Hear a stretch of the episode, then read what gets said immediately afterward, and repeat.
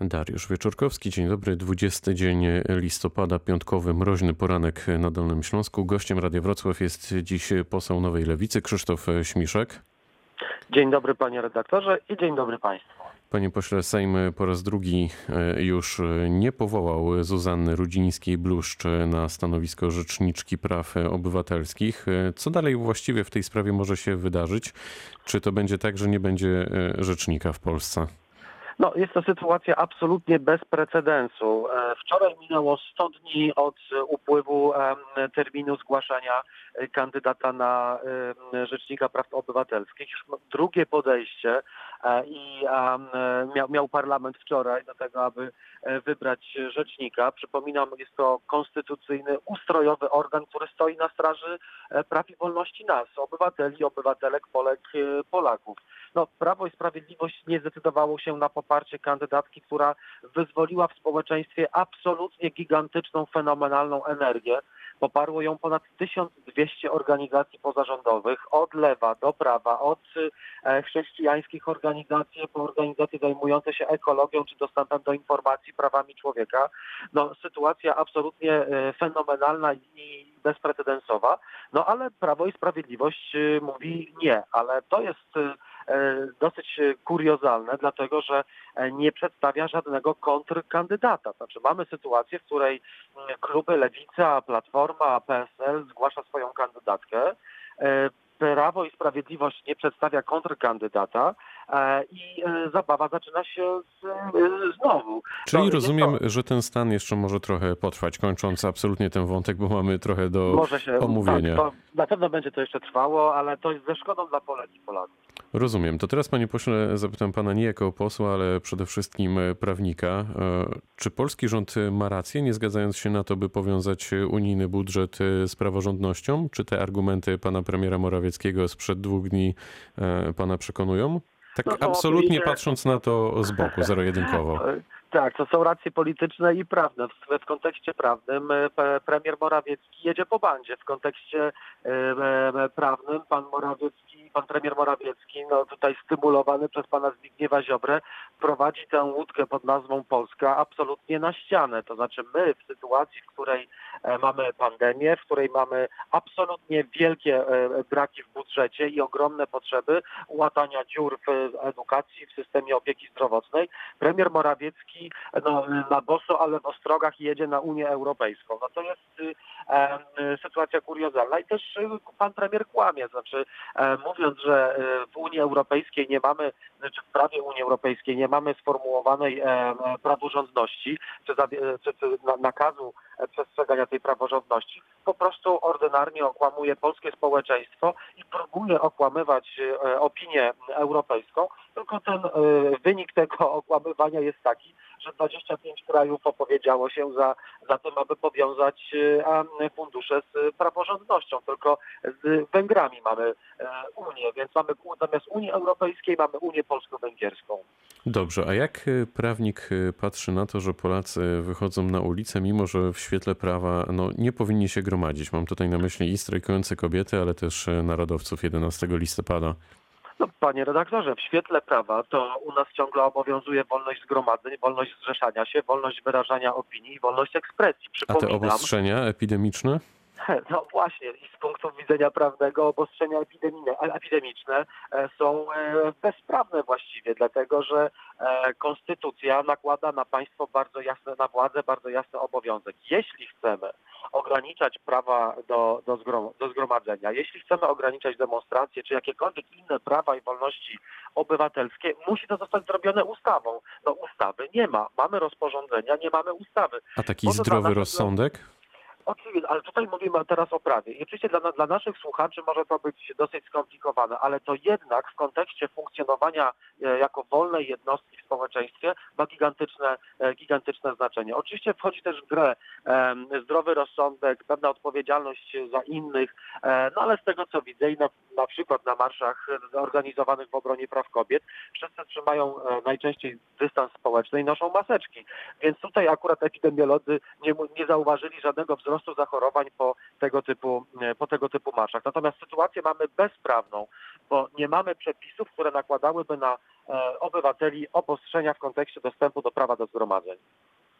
Czyli jako prawnik e, rozumiem, że tutaj e, wybroniłby pan e, ten jako stan. prawnik, ja jestem przekonany, panie redaktorze, szanowni państwo, że ci wszyscy, którzy zostali ostatnio masowo spisywani, no ja też uczestniczyłem w, przedwczoraj w demonstracji, broniąc obywateli akurat przed Sejmem, bo tam zostaliśmy z paroma innymi posłami, kilkuset osobami zamknięci w kocioł przez, przez policję. Jestem przekonany, że każda osoba spisana i każda osoba, która dostanie mandat za udział w nielegalnym zgromadzeniu, e, zostanie uniewinniona przez, e, przez niezależny sąd, dlatego że podstawa prawna, działanie w, w granicach prawa i na podstawie prawa to jest podstawowy obowiązek władzy. I ta władza nawet tego podstawowego obowiązku nie potrafi uszanować. Od wielu godzin e, wielu publicystów e, różni się w sprawie tego, co zaszło w kontekście marszałka Czarzastego. Marszałek mówi, że został e, pobity przez policję, policja, że została pobita przez marszałka. Jednocześnie pan marszałek nie składa w tej sprawie żadnego zawiadomienia. Kto ma rację i czy to jest w ogóle do rozstrzygnięcia? No oczywiście, że jest do rozstrzygnięcia, bo rozumiem, że policja prowadzi jakieś swoje wewnętrzne, wewnętrzną kontrolę i dochodzenie.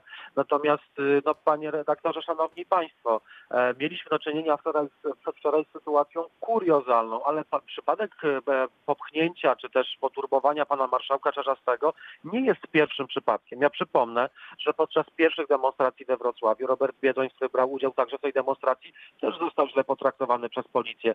Nasz e, lewicowy poseł Maciej Kopiec z Katowic został skuty w kajdanki i wrzucony do e, wozu policyjnego. No coś, co nie zdarzyło się chyba na przestrzeni ostatnich 30 lat polskiego parlamentaryzmu. Posłanka lewicy panie pośle, bo, bo, bo, bo o tym w zasadzie nikt nie mówi, a myślę, że to jest chyba e, szczególnie ważne, może najważniejsze w tej całej historii. W zasadzie dlaczego pan marszałek się tam e, znalazł? Dlatego, że tak jak każdy inny parlamentarzysta jest obecny na demonstracjach. Ja, szanowni państwo, chodzę na te demonstracje nie dlatego, że lubię spacerować po Wrocławiu, bo bardzo to lubię, natomiast, ale mogę to robić także w innych okolicznościach. My z naszymi legitymacjami poselskimi po prostu interweniujemy wtedy, kiedy policja nadużywa i przekracza swoje, swoje uprawnienia. Możemy sprawdzić, możemy skontrolować e, poprawność działania policji, możemy po prostu uświadomić obywateli, że jeśli są spisywani albo pociągani do odpowiedzialności w sytuacji, kiedy nie ma na to przepisu prawnego, e, możemy im po prostu pomóc. Więc my, parlamentarzyści lewicy, jesteśmy demonstrującymi po to, żeby w razie potrzeby obronić ich swoimi, naszymi, e, naszymi immunitetami. Czy Marta Lempart e, jako liderka pomaga, czy powoli obciąża ten ruch e, i też chyba co najistotniejsze, czy panu odpowiada ten język Marty Lempart, no i części protestujących, który powiedziałbym jest mocno, no, mocno wulgarny, nieparlamentarny?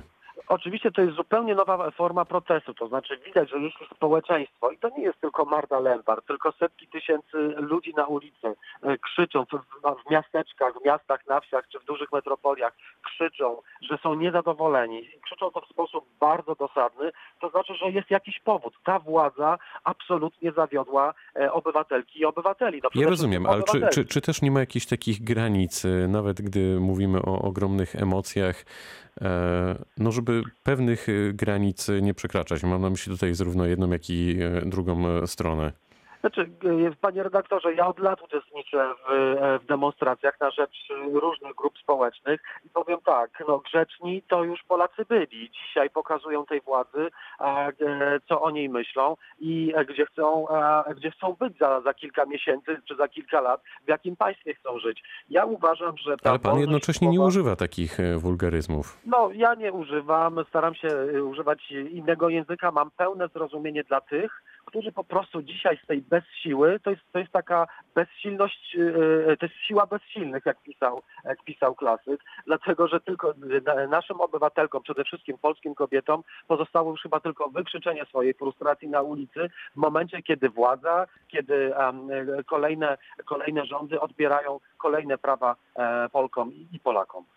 A czy poparcie lewicy dla tych e, strajków to jest e, odpowiednia droga? Bo e, wczoraj Leszek Miller w rozmowie z Robertem Mazurkiem wskazywał, że widoczną słabością obecnej lewicy, to jest cytat, jest to, że nie ma jasnych, rzucających się w oczy dla opinii publicznej impulsów i tym tłumaczy wasze słabe sondaże.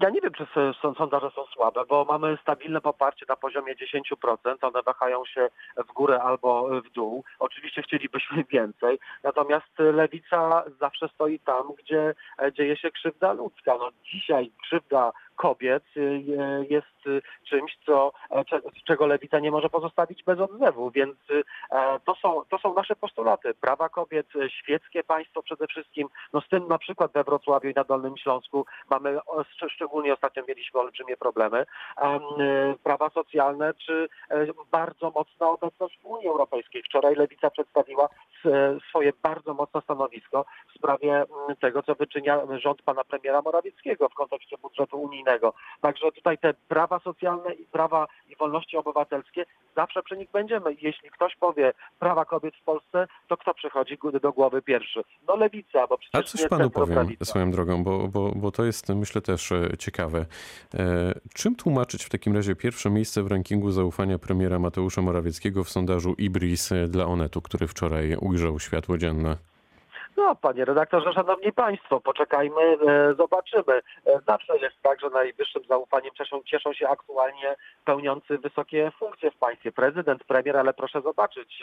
e, No nie do końca, bo na przykład premier Donald Tusk już w drugiej kadencji takim poparciem się nie cieszył, jakim w tej no chwili właśnie, cieszy się premier poczek- Morawiecki. Więc po, poczekajmy, jak, jak to wszystko się skończy. No dzisiaj pan premier Morawiecki zawodzi całą Polskę, rozwalając projekt Unii Europejskiej. Chce tworzyć Unię z Węgrami zamiast y, z cywilizowanymi zachodnimi e, krajami. Polacy są euroentuzjastyczni, więc jestem przekonany, że ten entuzjazm e, naprawdę będzie spadał. Proszę też popatrzeć, jakie są wyniki e, poparcia dla liderów partyjnych w innym, em, w innym sondażu sprzed kilku dni. Tam Prawo i Sprawiedliwości leci łeb na szyję, a lewicy, e, liderom lewicy rośnie. Więc e, jestem przekonany, że Polacy już niedługo zobaczą e, te marne efekty działań rządu i to poparcie będzie spadać. Dlaczego, panie pośle, e, zdaniem lewicy należy zmieniać nazwy placów e, imienia e, Jana Pawła II? No i co z pomnikami lewica chciałaby e, teraz zrobić? Czy je e, chcielibyście wszystkie usunąć, czy, czy, czy o co tutaj chodzi w tych postulatach? No, część część e, działaczy, aktywistów lewicowych uważa, że to jest dobry moment na rozpoczęcie dyskusji o miejscu kościoła w e, państwie. Jest to dobre, e, dobry moment na e, przyjrzeniu się także przestrzeni publicznej, czy rzeczywiście potrzebujemy tylu pomników. Jak widać na przykład pomnik księdza Jankowskiego w Gdańsku stał no, kilka lat i został No ale to obalony. chyba jednak zupełnie inna historia, panie pośle. Oczywiście, że są. To jest oczywiście inna historia, ale panie redaktorze, szanowni państwo, e, ten, e, te spiżowe pomniki, one często zaczynają się szybko pokrywać e, patyną. I no jeszcze do niedawna cała Polska wielbiła kardynała Dziwisza, dziś wszyscy otwieramy oczy ze zdumienia, jak e, albo niefrasobliwym, albo no, nie do końca uczciwym, albo wręcz okłamującym rzeczywistość, czy może nawet całego papieża był ten, czy jest ten e, kardynał. Otwieramy oczy ze zdziwienia, słuchając tego, co robił kardynał e, Gulbinowicz. To zatrzymajmy się, panie pośle, przy kardynale i to już będzie moje ostatnie pytanie. Jak należałoby pana zdaniem mówić właśnie o Henryku Gulbinowiczu? Bo były prezydent Wrocławia, Stanisław Huskowski, dwa dni temu na antenie Radia Wrocław, a znał go wiele, wiele lat, powiedział, że tu cytat to jest wielki bohater ze skazą. Przede wszystkim o kardynale Gulbinowiczu trzeba mówić prawdę i trzeba mówić o jego zasługach podczas w, w tamtym systemie, bo miał te niewątpliwie nie, wielkie zasługi, ale trzeba też mówić prawdę o jego zachowaniu, o tym jak krył e, księży pedofilów, a, o tym, że y, sam miał zarzuty dotyczące molestowania seksualnego. Nie ma świętych krów. Kardynał Gulbinowicz musi zostać rozliczony przez historię. Ale my w zasadzie nie wiemy, z jakiego powodu e, Watykan e, pozbawił go tych e, wszystkich e, tytułów. Dlatego kilka dni temu wystąpiłem do prokuratury okręgowej we Wrocławiu, aby ta wystąpiła do stolicy apostolskiej o wydanie wszystkich dokumentów z postępowania dyscyplinarnego wobec kardynała. Musimy znać prawdę, bo tylko prawda nas wyzwoli, a przecież e, to zawsze e, głosi e, Kościół katolicki. No i niech to będzie puenta. Poseł Nowej Lewicy Krzysztof Śmiszak był gościem rozmowy Dnia Radia Wrocław. Bardzo dziękuję panie pośle. Dziękuję serdecznie, pozdrawiam, miłego dnia. Pytał Dariusz Wieczorkowski. Dobrego dnia, dobrego weekendu.